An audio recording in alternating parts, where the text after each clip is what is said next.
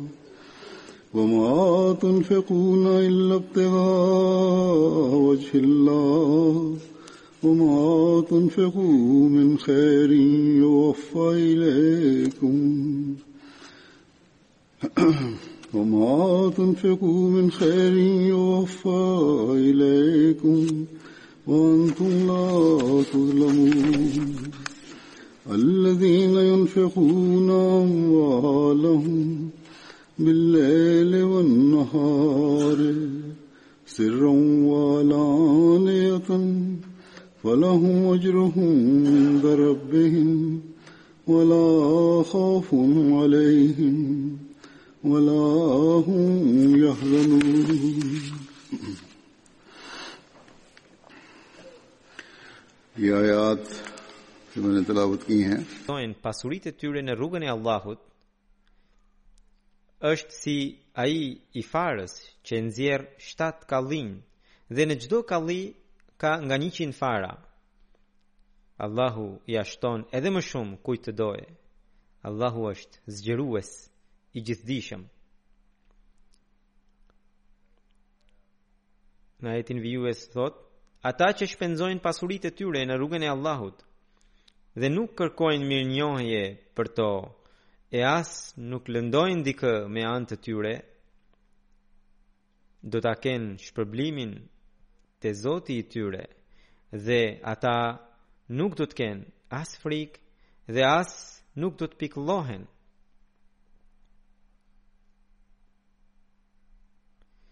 Më pas thotë dhe ata që shpenzojnë pasuritë e tyre për të kërkuar pëlqimin e Allahut dhe për t'u dhënë qëndrueshmëri disave prej tyre i shëmbëllejnë një kopshti që ndodhet në rrafshnaltë, të cilit kur i bie shi i madh, ai jep fryt të dyfishtë, E nëse nuk i bie shi i madh, i mjafton një vesë. Allahu sheh mirë çdo gjë që bëni.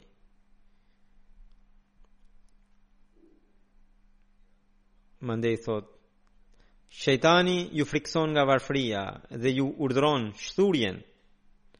Kurse Allahu ju premton falje dhe bekime prej tij dhe Allahu është zgjerues i gjithdijshëm.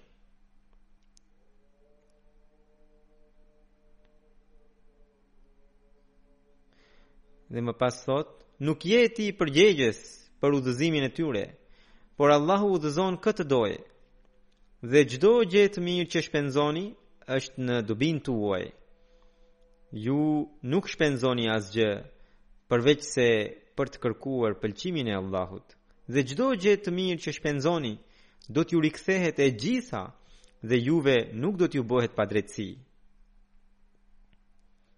Dhe mandej thotë, ata që shpenzojnë pasuritë e tyre natën dhe ditën, fshehurazi dhe haptazi, e kanë shpërblimin te Zoti i tyre, Dhe ata nuk do të kenë as frikë e as nuk do të pikëllohen.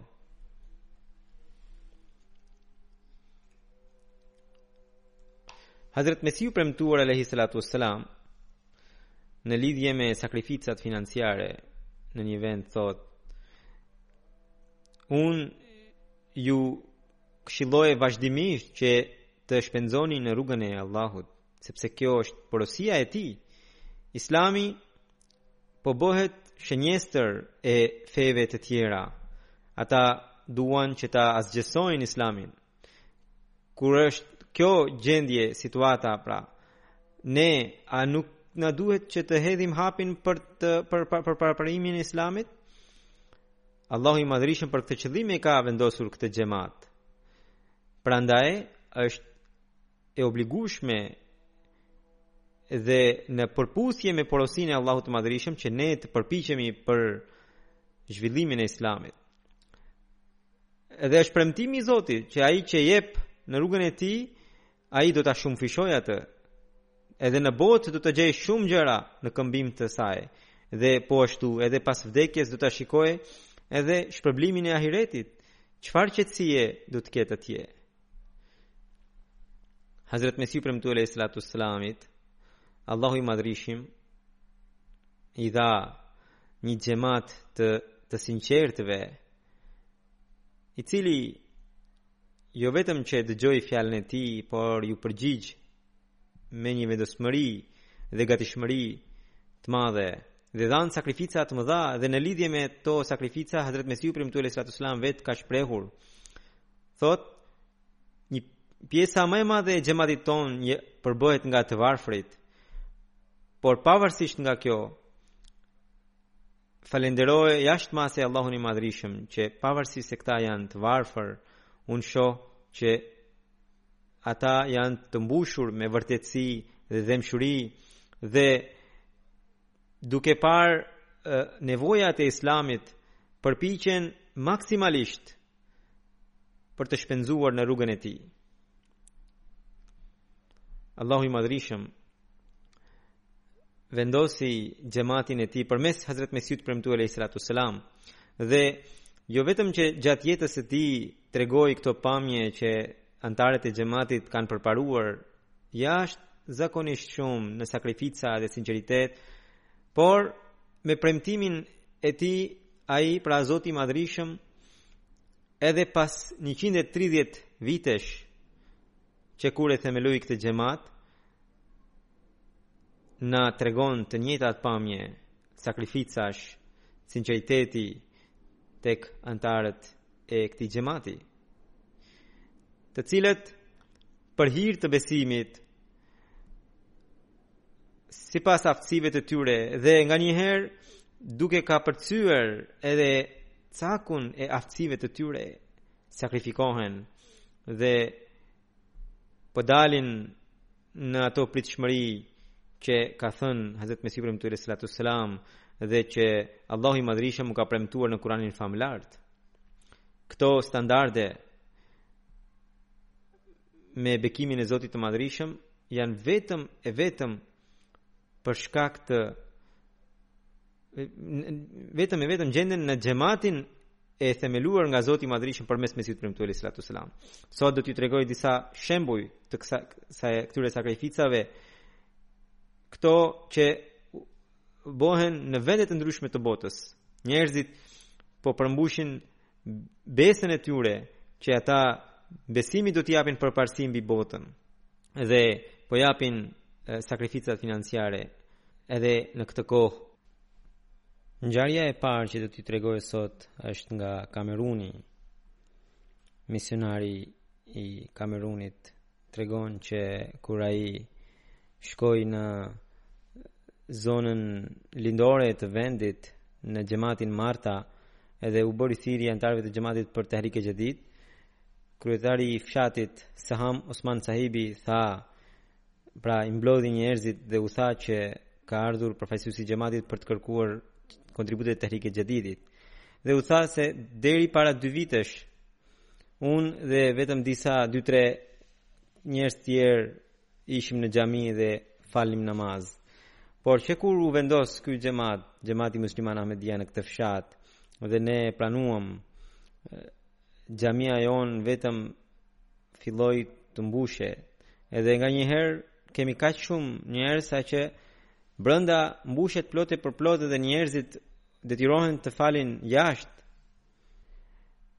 e gjithë i gjithë ky ndryshim i jashtëzakonshëm erdhi thotë ai për shkak të xhamatit musliman Ahmedia dhe prandaj kemi për detyrë të t'i përgjigjemi pozitivisht çdo thirrjeje të xhamatit ky revolucion që po vjen për shkak të xhamatit që njerëzit po shtohen përparojnë edhe në adhurim edhe në sakrificat financiare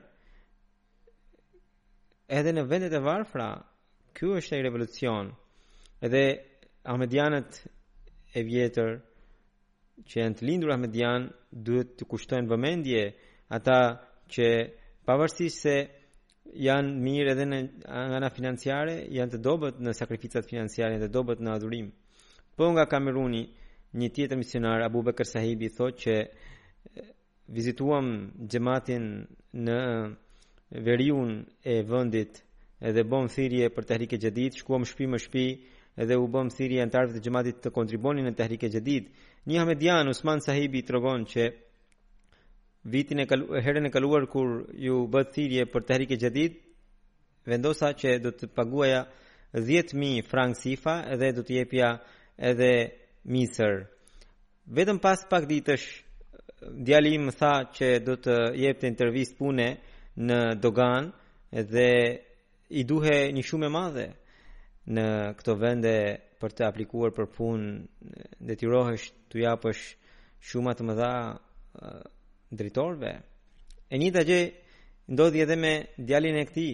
Dhe ai vijon që djalit tim i thashë, unë jam i varfër dhe nuk kam shuma të mëdha për të dhënë ty, unë kam vetëm 10.000 frank sifa dhe këto kam bërë nijet që t'i jap në Tahrik e Xhedid.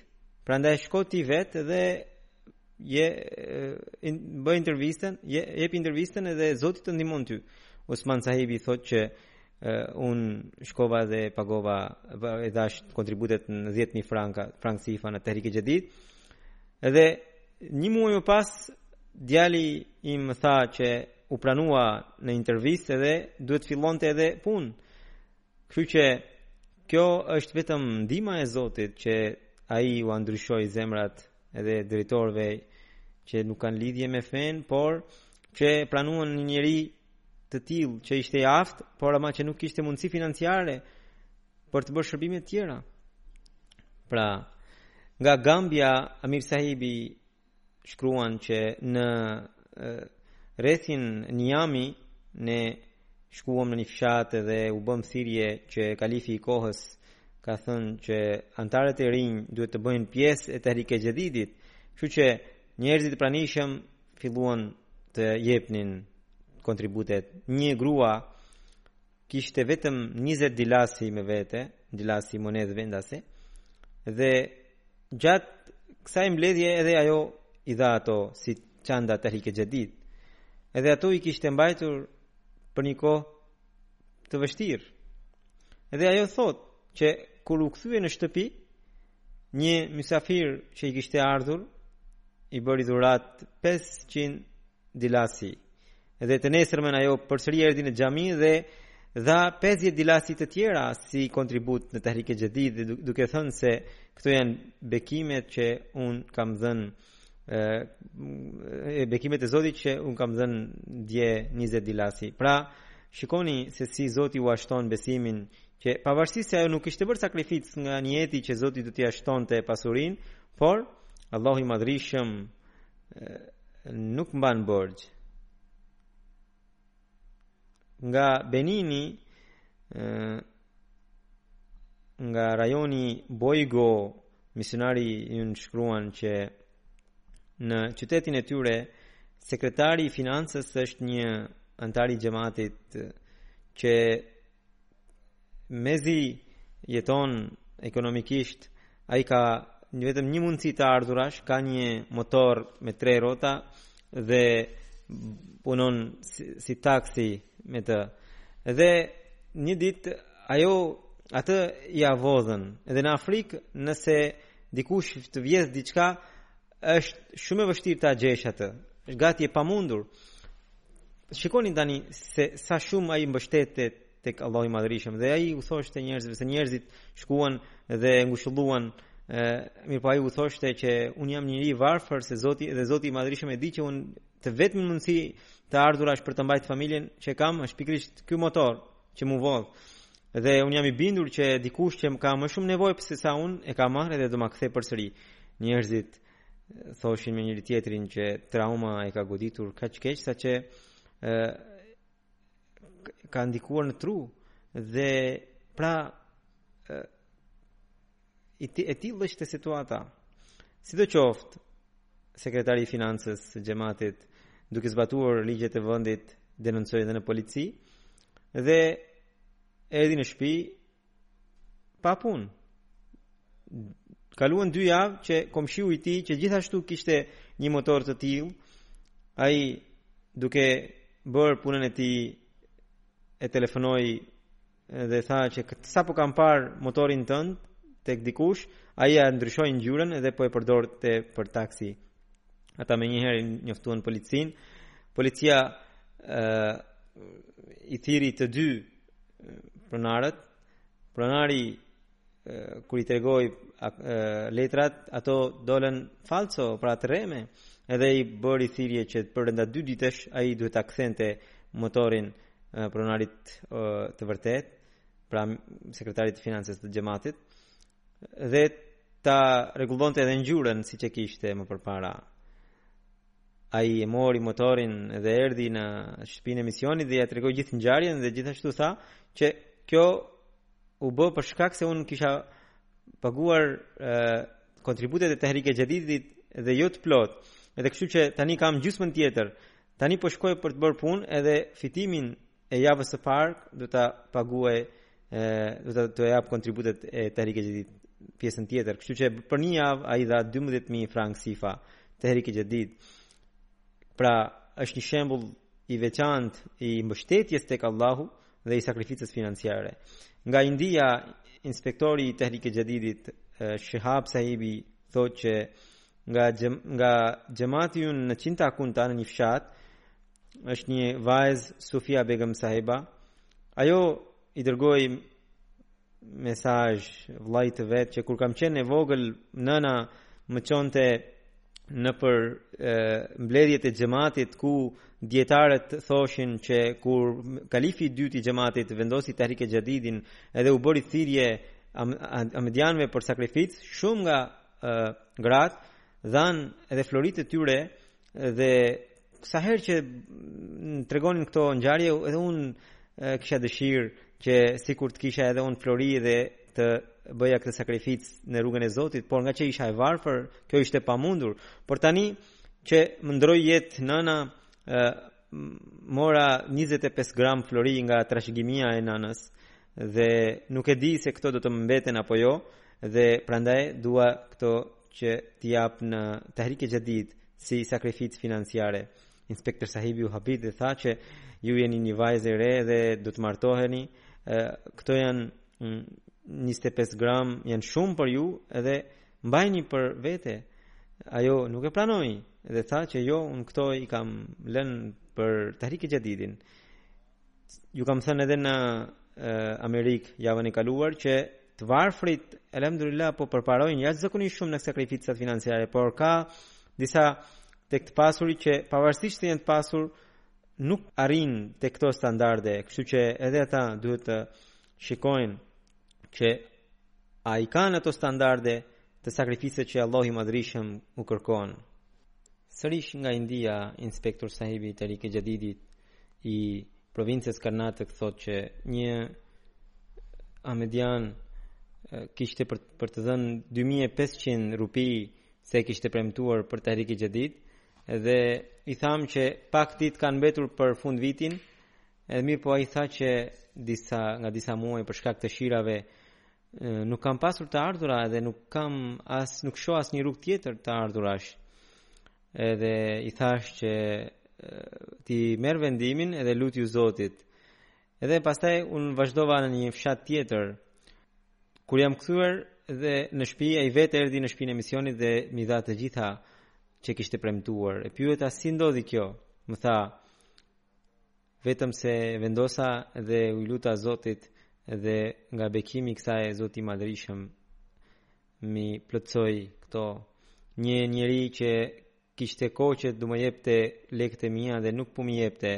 Edhe un e pyesja nga disa muaj, por sot papritmas ai vetë erdhi në shpinë time dhe m'i dha të gjitha lekët që i kisha dhënë borxh.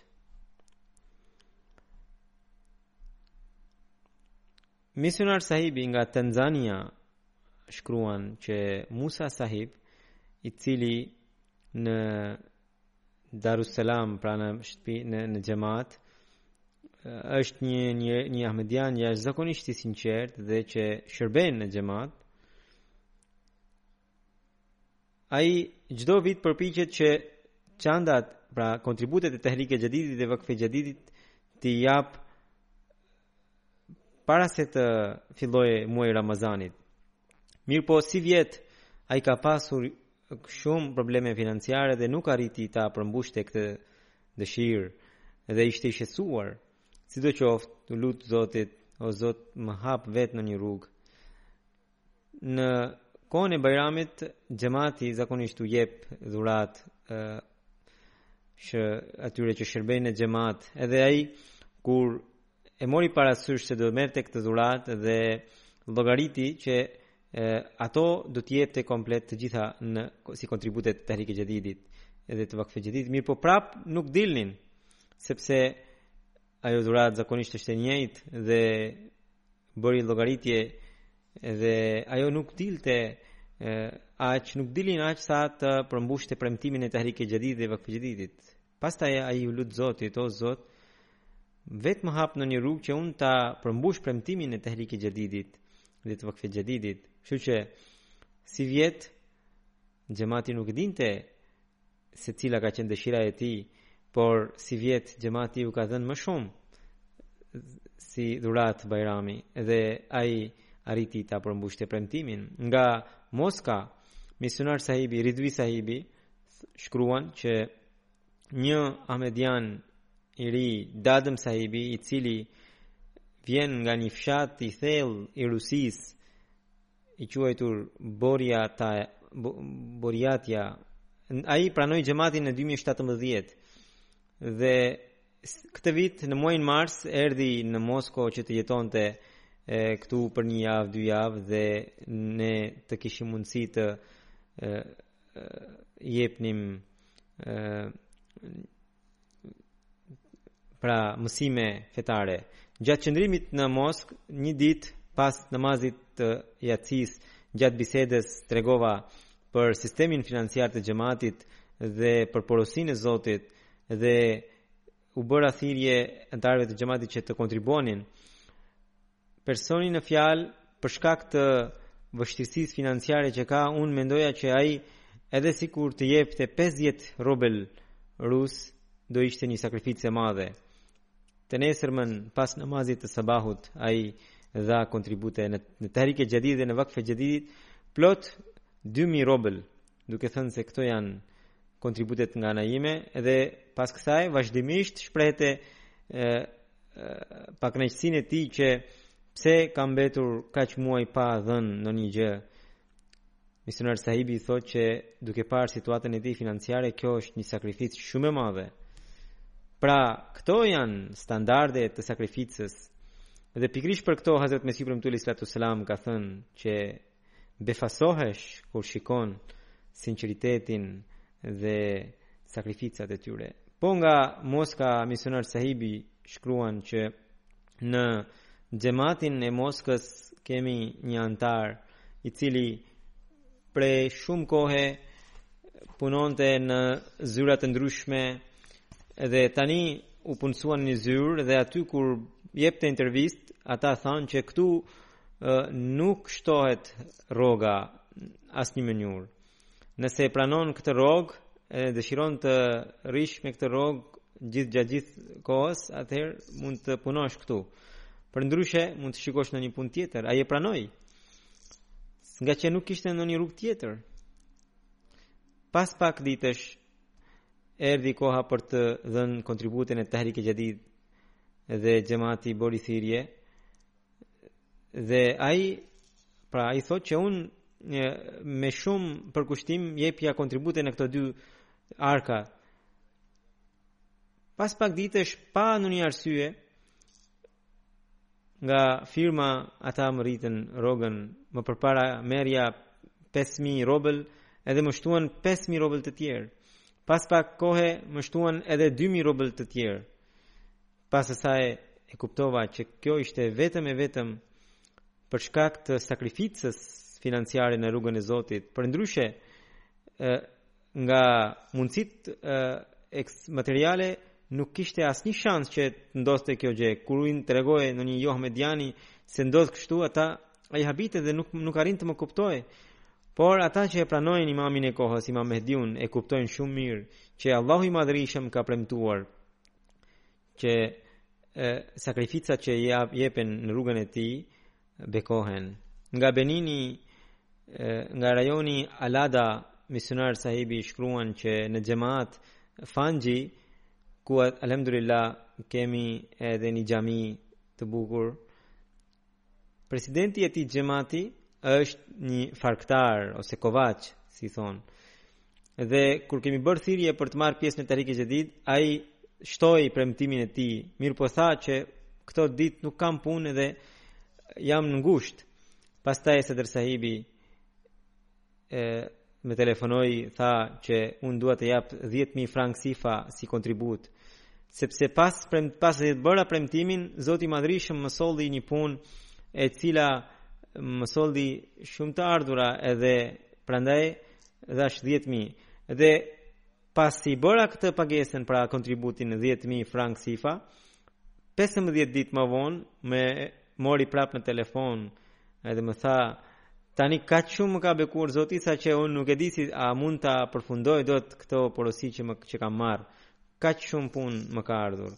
Dhe gjithë kjo thoshte vetëm e vetëm për shkak të sakrificës financiare në rrugën e Zotit.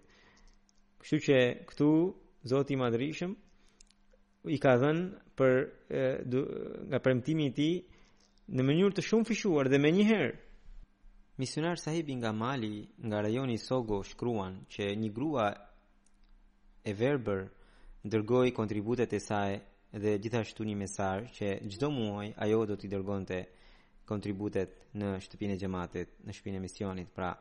Dhe e pyetëm arsyen, dhe ajo tha, pra shikoni se si Allahu i Madhërishëm i udhëzon njerëzit që ata të bëjnë sakrifica financiare që më vonë Allahu i madhërishëm t'i shpërblejë ata.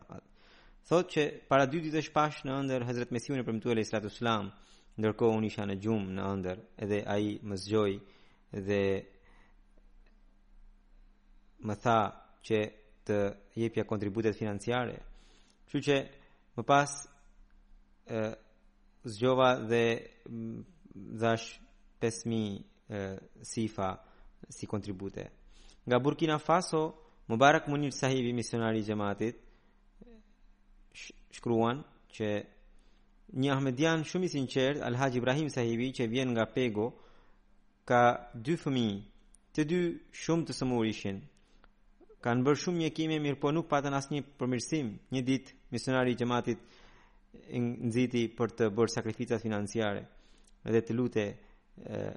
Ai ashtu veproi dhe iu lut Zotit që o Zot m'i shëro fëmijët.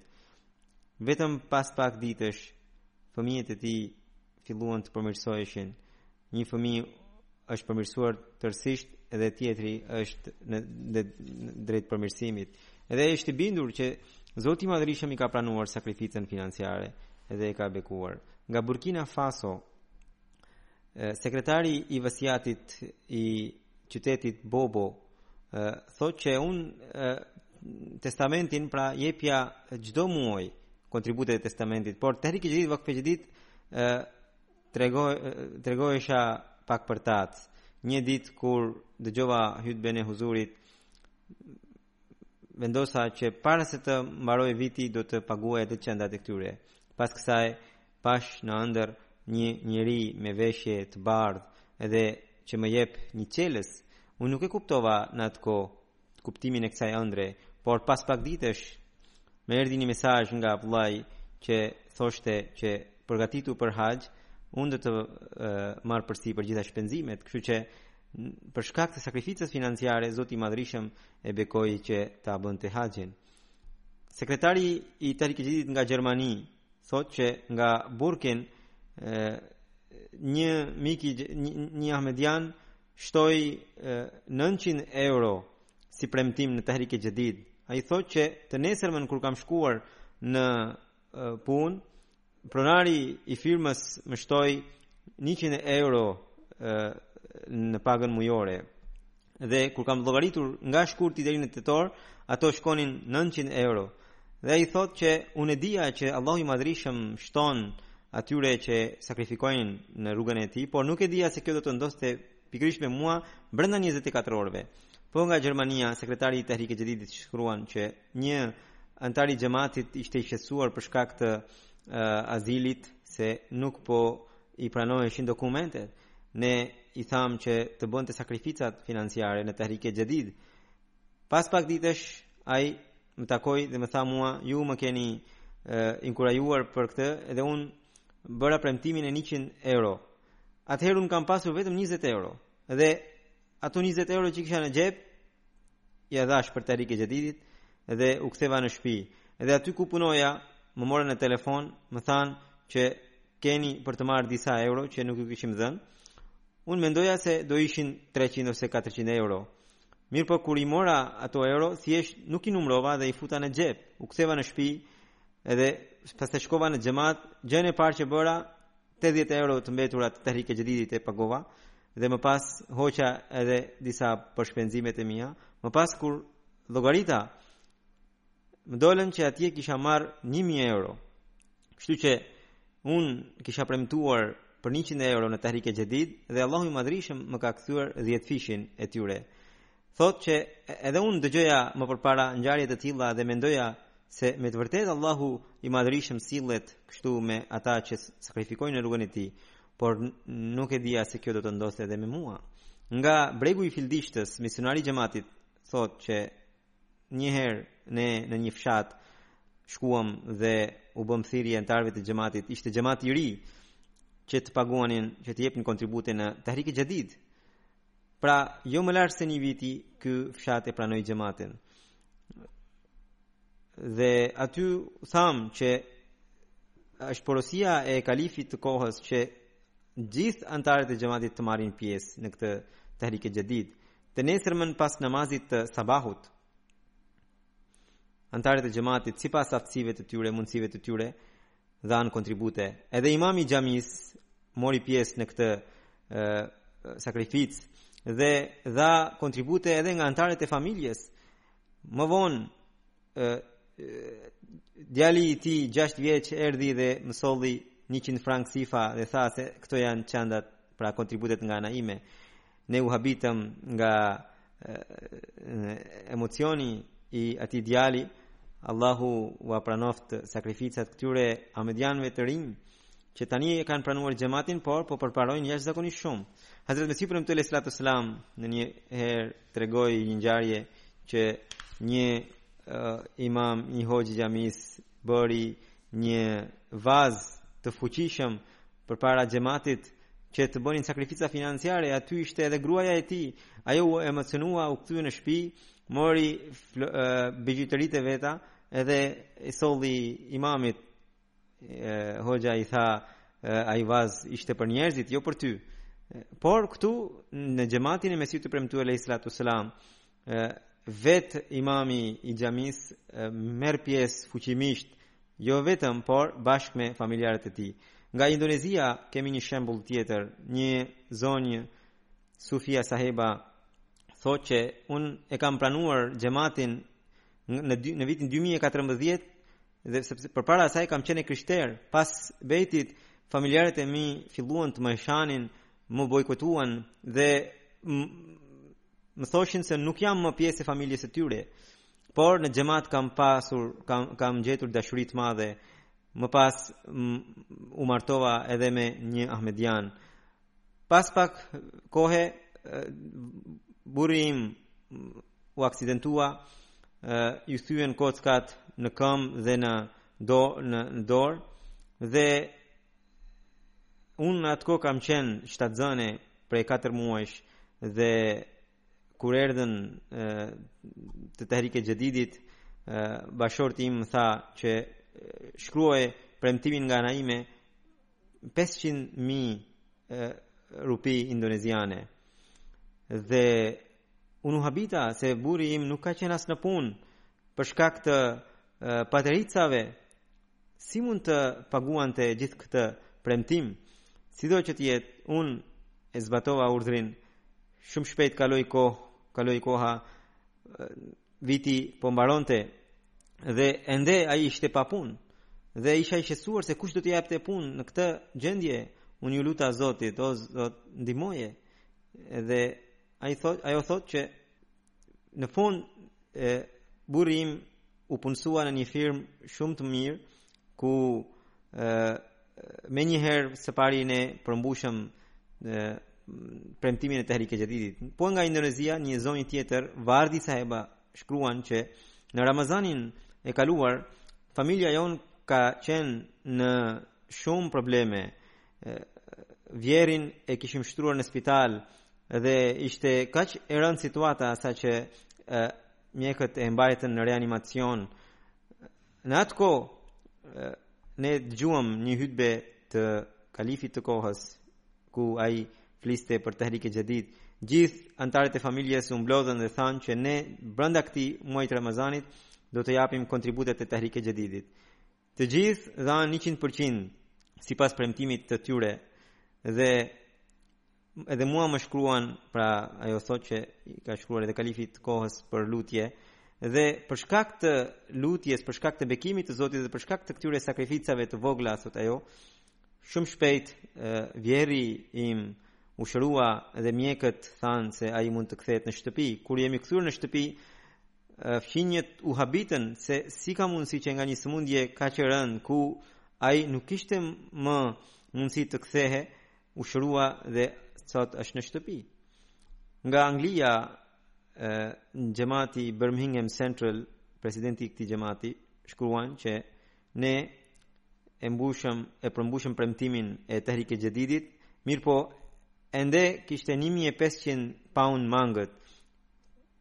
Pak orë kishin mbetur që ta mbyllnim vitin. Unë u bëra thirrje anëtarëve të xhamatit dhe njëri prej tyre, i cili kishte paguar 2400 pound, ai pagoi 1500 të tjera, ai nuk ishte në vend dhe ishte jashtë dhe e pagoi përmes internetit. Dhe të nesërmën pikërisht atë e morën në telefon nga departamenti i taksës dhe thanë që ju do të merrni 6000 pound sepse janë detyrimet që ne duhet t'ju pagojmë juve. Dhe kështu që Allahu i Madhërishëm i dha katërfishin e asaj që ai ka paguar.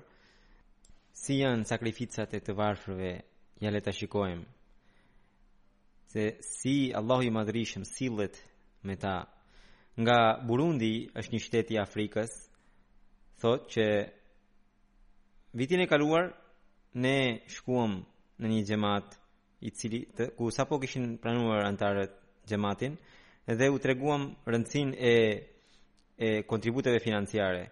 Masudi Sahib, që është një anëtar aty, ai thotë që tani për tani unë nuk kam ndonjë gjë, por në shtëpi kemi një pemë frutore dhe unë do të shes frutin këto ditë dhe do të paguaj kontributet. Shikoni këto Këto modele ju mund t'i gjeni vetëm në historinë e Islamit. Edhe sot në xhamatin tonë gjenden. Dhe kështu që shkoi shiti frutat edhe 1000 Burundi frank solli dhe i dha kontributet si financiare. Dhe kaloi një vit edhe këtë vit ai thotë që ajo pemë ka dhënë frut të shumëfishtë dhe ka shitur Gjithë atë frut me 50, më falni, 25.000 Burundi frank. Nga Kongo Brazavil, misionar Sahibi thotë që ishte një Ahmedian Muavil Sahibi që fëmijën e ka pasur shumë të sëmurë. kur mësoi për Tahrik e Jadidin dha kontributet në Tahrik e Jadid dhe iu lut Zotit o Zot falë këtyre kontributeve që kam dhënë shëroje fëmijën tim dhe ai thotë që unë vetë jam habitur se si menjëherë pas disa ditësh fëmija im u shërua Zoti i madhërishëm thotë ai më ka pranuar lutjen dhe sakrificën Nga Kanadaja, një Ahmediane thotë që bashkëshorti i saj kishte bërë premtimin për 1000 dollarë në Tahrik e Jadid. Por prej shumë kohe ai vinte i papunë dhe po mbaronte viti i Tahrik e Jadidit Një javë kishte mbetur dhe sekretari i Tahrik Jadid erdhi në shtëpinë e saj dhe i tha për të përmbushur premtimin. Ai tha, pra bashkëshorti i tha gruas që nuk kam ndonjë gjë, por mirëpo nuk mund ta kthejmë dot as duarbosh, se është turp dhe ajo pra gruaja thotë që unë kam pasur disa kursime dhe me ato kemi paguar 1000 euro. 1000 dollarë, falni. Brenda një jave burri im gjeti punë ku tani merr rrogën 7000 dollarë në muaj. Nga bregu i Fildishtë, misionar Sahibi, San Pedro është një vend nga ky vend misionar Sahibi thotë që aty është një fëmijë 14 vjeç Babai i tij thotë që një ditë, ditën e diel, unë i thashë djalit që të bënte një punë në shtëpi. Mirëpo ai më tha që unë jam sekretari i financës në fëmijët e xhamatit, edhe sot për të mbledhur çandat e Tahrik e Jadid më duhet të dal edhe me fëmijët e tjerë. Dhe plus unë vetë nuk kam dhënë pjesën time të Tahrik e Jadidit dhe nuk kam asnjë lek, kështu që më duhet të punoj në një uh, arë që të gjej lekët dhe të paguaj për Tahrik e Jadid. Babai i tha se unë të jap ty nga ana ime. Ai i tha që jo, misionar sahibi tha që duhet të kursenim nga ato lekët që ne marrim Mm, mirëpo unë nuk i kam kursyer, kështu që më takon mua që të punoj. Kështu që ai shkoi dhe punoi dhe ditoren që mori nga ara, domethënë dha kontributet për Tahrik e Jadid. Ky është mendimi i fëmijëve të xhamatit. Uh, Allahu i madhërishëm ua shtoftë dhe i ndihmoftë këta fëmijë. Nga Gjermania, sekretari i Tahrik e Jadidit shkruan që në xhamatin Kiel, pra në qytetin Kiel, është një zonjë e cila thotë që kur kam qenë e vogël në Pakistan, nëna ime jepte shumë kontribute financiare. Dhe sakrificat financiare ajo ishte shumë e përparuar. Në Ramazan ne shikonim që fëmijët e tjerë gëzonin rroba të reja dhe nëna jonë mendonte të jepte kontributet financiare para se të mbarojë Ramazani. Shpesh merrte edhe borxhe për të dhënë kontributet. Kur kalifi i asaj kohe bëri thirrje për xhaminë e Spanjës, ajo shiti vathët që ishin të vetmit stolitë dhe dha kontributet. Dhe prindërit e burrit, pra prindërit e babait tim, iu zemëruan. Dhe ajo thotë, pra kjo grua thotë që unë këtë mendim e kisha ushqyer në kokë që nëna i nëna jonë bënte më shumë sesa duhet dhe unë nuk duhet të jem kështu. Tani që jam në Gjermani dhe vetëm vitin e kaluar kur erdhën për të uh, Tahrike Xhadid, unë në mendjen time u tregova e zgjuar dhe dhashë premtimin vetëm të 30 ose 35 euro. Nuk kaloi shumë kohë që mua më dolën dy gjëndra në qafë dhe shkova u vizitova mjekët thanë se duhet të operohesha se ishin shumë të rrezikshme. Dhe e, a ishte ajo kohë kur mua, mua nuk më pëlqente as stoli dhe as ndonjë veshje e bukur. Në atë kohë kam dëgjuar fjalimin e hutben e kalifit të kohës ku ai tregonte sakrificat financiare të grave ahmediane dhe siç më ç'më erdhi në mendje shkova i mora gjitha stolitë që kisha dhe i solla për Tehrike Xhadid. Më vonë kur shkova tek mjeku më tha se këto gjëndra janë të nuk janë të dëmshme dhe Zoti i Madhërishëm vetë ma largoi këtë frikë dhe kaq shumë më ka bekuar. dhe e kam kuptuar që ai ishte faji im që unë jam treguar arrogante dhe paragjykova sakrificat financiare. Dhe më pas bashkëshorti im ngaqë punonte në një hotel ku nuk duhet të punonte, xhamati kishte dënuar që nuk i pranonte sakrificat financiare atij. Dhe iu lutesha Zotit o Zot ti gjej ndonjë punë tjetër bashkëshortit tim atëherë unë do të paguaj 500 euro të tjera në Tahrik e Jadid. Nuk kaloj kohë shumë, saqë burri im gjeti edhe një punë tjetër të ndershme dhe tani pra edhe bashkëshorti edhe ajo kanë dhënë kontribute në Tahrik e Jadid. Nga Lahori, sekretari i Tahrik e Jadidit shkruan që nga Wapda Town është një grua që ka pasur shumë probleme shëndetësore dhe ajo ka dhënë 50.000 rupi në Tahrik e Jadid dhe u shërua më pas Zoti i Madhërishëm ia pranoi sakrificën saqë ia ndryshoi gjendjen. Amir Sahibi i Gambisë thotë që në fshatin Gjerasçeske një Ahmedian jepte vazhdimisht kontributet financiare në Tahrik e Jadid. Ditët e fundit në zonën e tyre ra një sëmundje te kafshët, saqë kafshët ngordhnin. por asnjë kafshë e këtij Ahmediani nuk ngordhi. Anëtarët e xhamatit dhe njerëzit e tjerë pyetën se cila është arsyeja. Ai tha që unë çdo vit nga krerët e mi një kafshë e shes dhe paguaj kontributet financiare dhe Zoti m'i ka shpëtuar ato. Kështu që edhe shtatë ahmedianë të tjerë të atij fshati filluan të vepronin në të njëjtën mënyrë, jepnin kontributet financiare vinte mjek veterinar që u thoshte që gjithë gjitha kafshët do të ngordhin sëmundja është kaq e rëndë. Mirëpo kur vinte në fshat, kur erdhi në fshatin tonë u habit, edhe pyeti cila është arsyeja që çfarë vaksine keni marrë?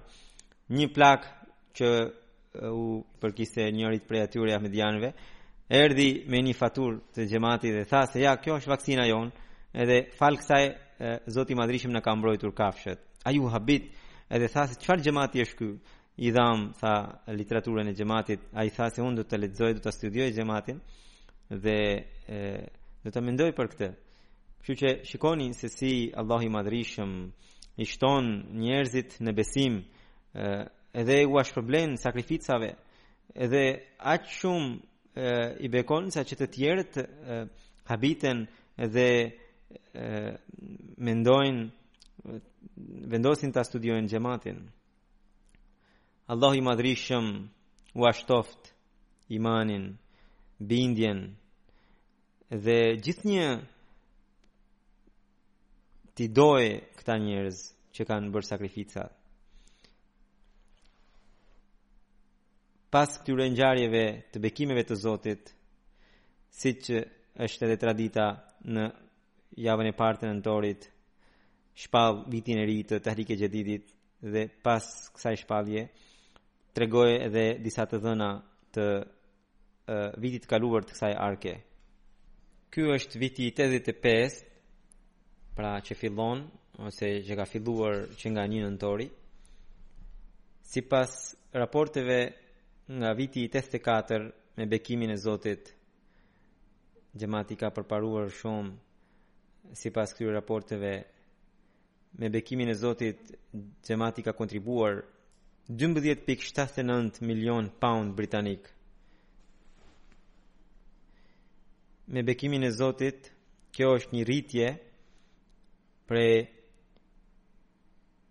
212.000 pound nga viti i kaluar. pavarësisht nga krizat financiare në vendet e botës me bekimin e Zotit, anëtarët e xhamatit po vijojnë të sakrifikojnë financiarisht. Për nga kontributet në përgjithësi, Pakistani si gjithnjë është në vendin e parë, pas tij vjen vijnë Gjermania, Anglia, SHBA-ja, Kanadaja, India, në numrin e 6 Australia në vendin e 7 është një shtet arab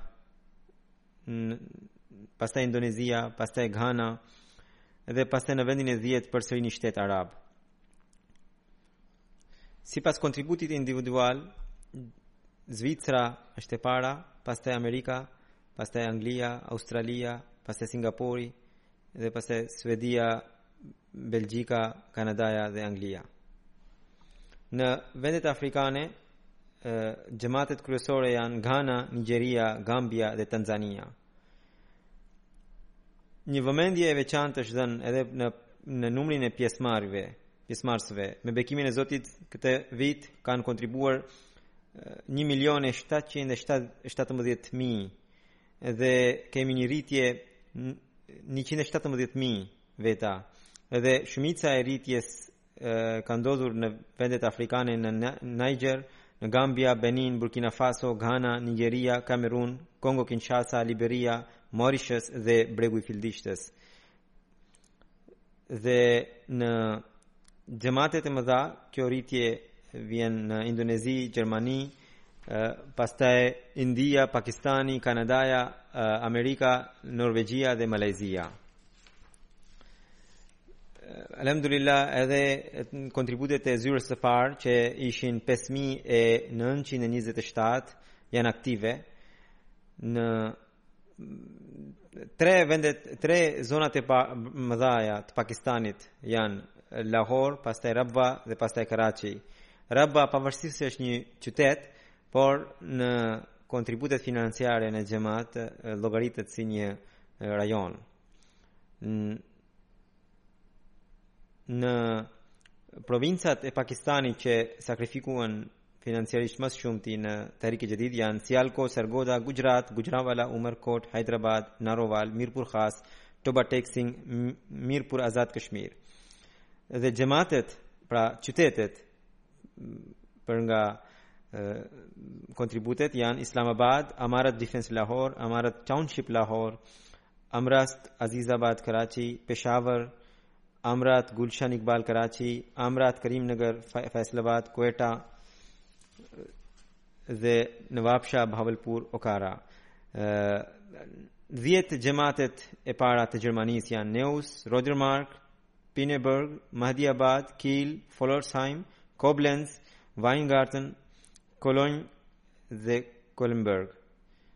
ndërsa ndërsa rajonet 10 rajonet e para Hamburg, Frankfurt, Morfelden, Gross-Gerau, Dietzenbach, Wiesbaden, Mannheim, Riedstadt, Offenbach, Darmstadt. Pesë rajonet e para të Britanisë së Madhe janë Londra A, B, Londra A, Midlands, North East, South dhe 10 xhematet e,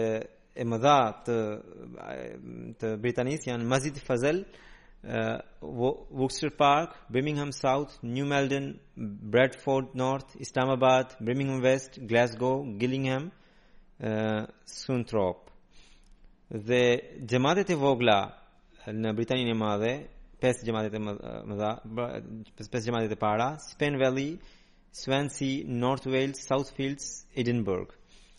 Pesë rajonet janë South West, Midlands, Islamabad, North East, Scotland.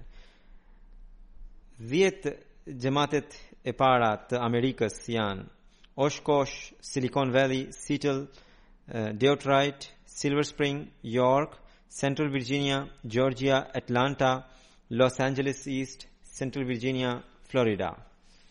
Dhe rajonet e Kanadasë në Tahrik e Xhedid janë Brampton, Vaughan, Peace Village, Calgary, Vancouver, Weston, Mississauga. Dhe pesë xhematet që ia vlen të përmenden janë Edmonton West, Durham, Hamilton South, Bradford, Saskatoon North. Dhjetë xhematet e para të Indisë për nga kontributet e Tahrik e Xhedidit janë Kadiani, Hyderabad, Pathapiriyam, që është në Kerala, Chennai, që është në Tamil Nadu, Kalikat, që është në Kerala, Bangalore,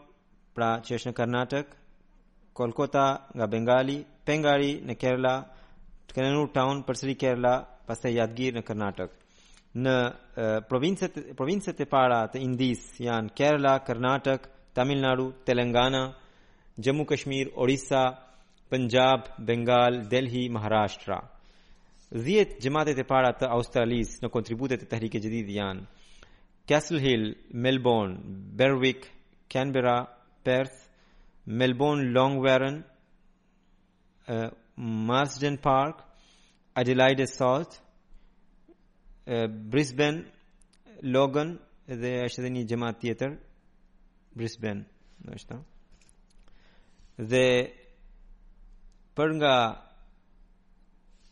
kontributet individuale, Tasmania, Canberra, Castle Hill, Darwin, Marsden Park, Melbourne, Berwick, Sydney City, Perth, Campbell për më ta.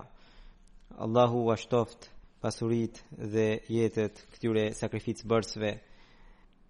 Gjithashtu, zakonisht njerëzit e, presin që unë të tregoj të dhënat edhe të udhëtimit të fundit. Inshallah, xhuman e ardhshme do t'i përmend ato.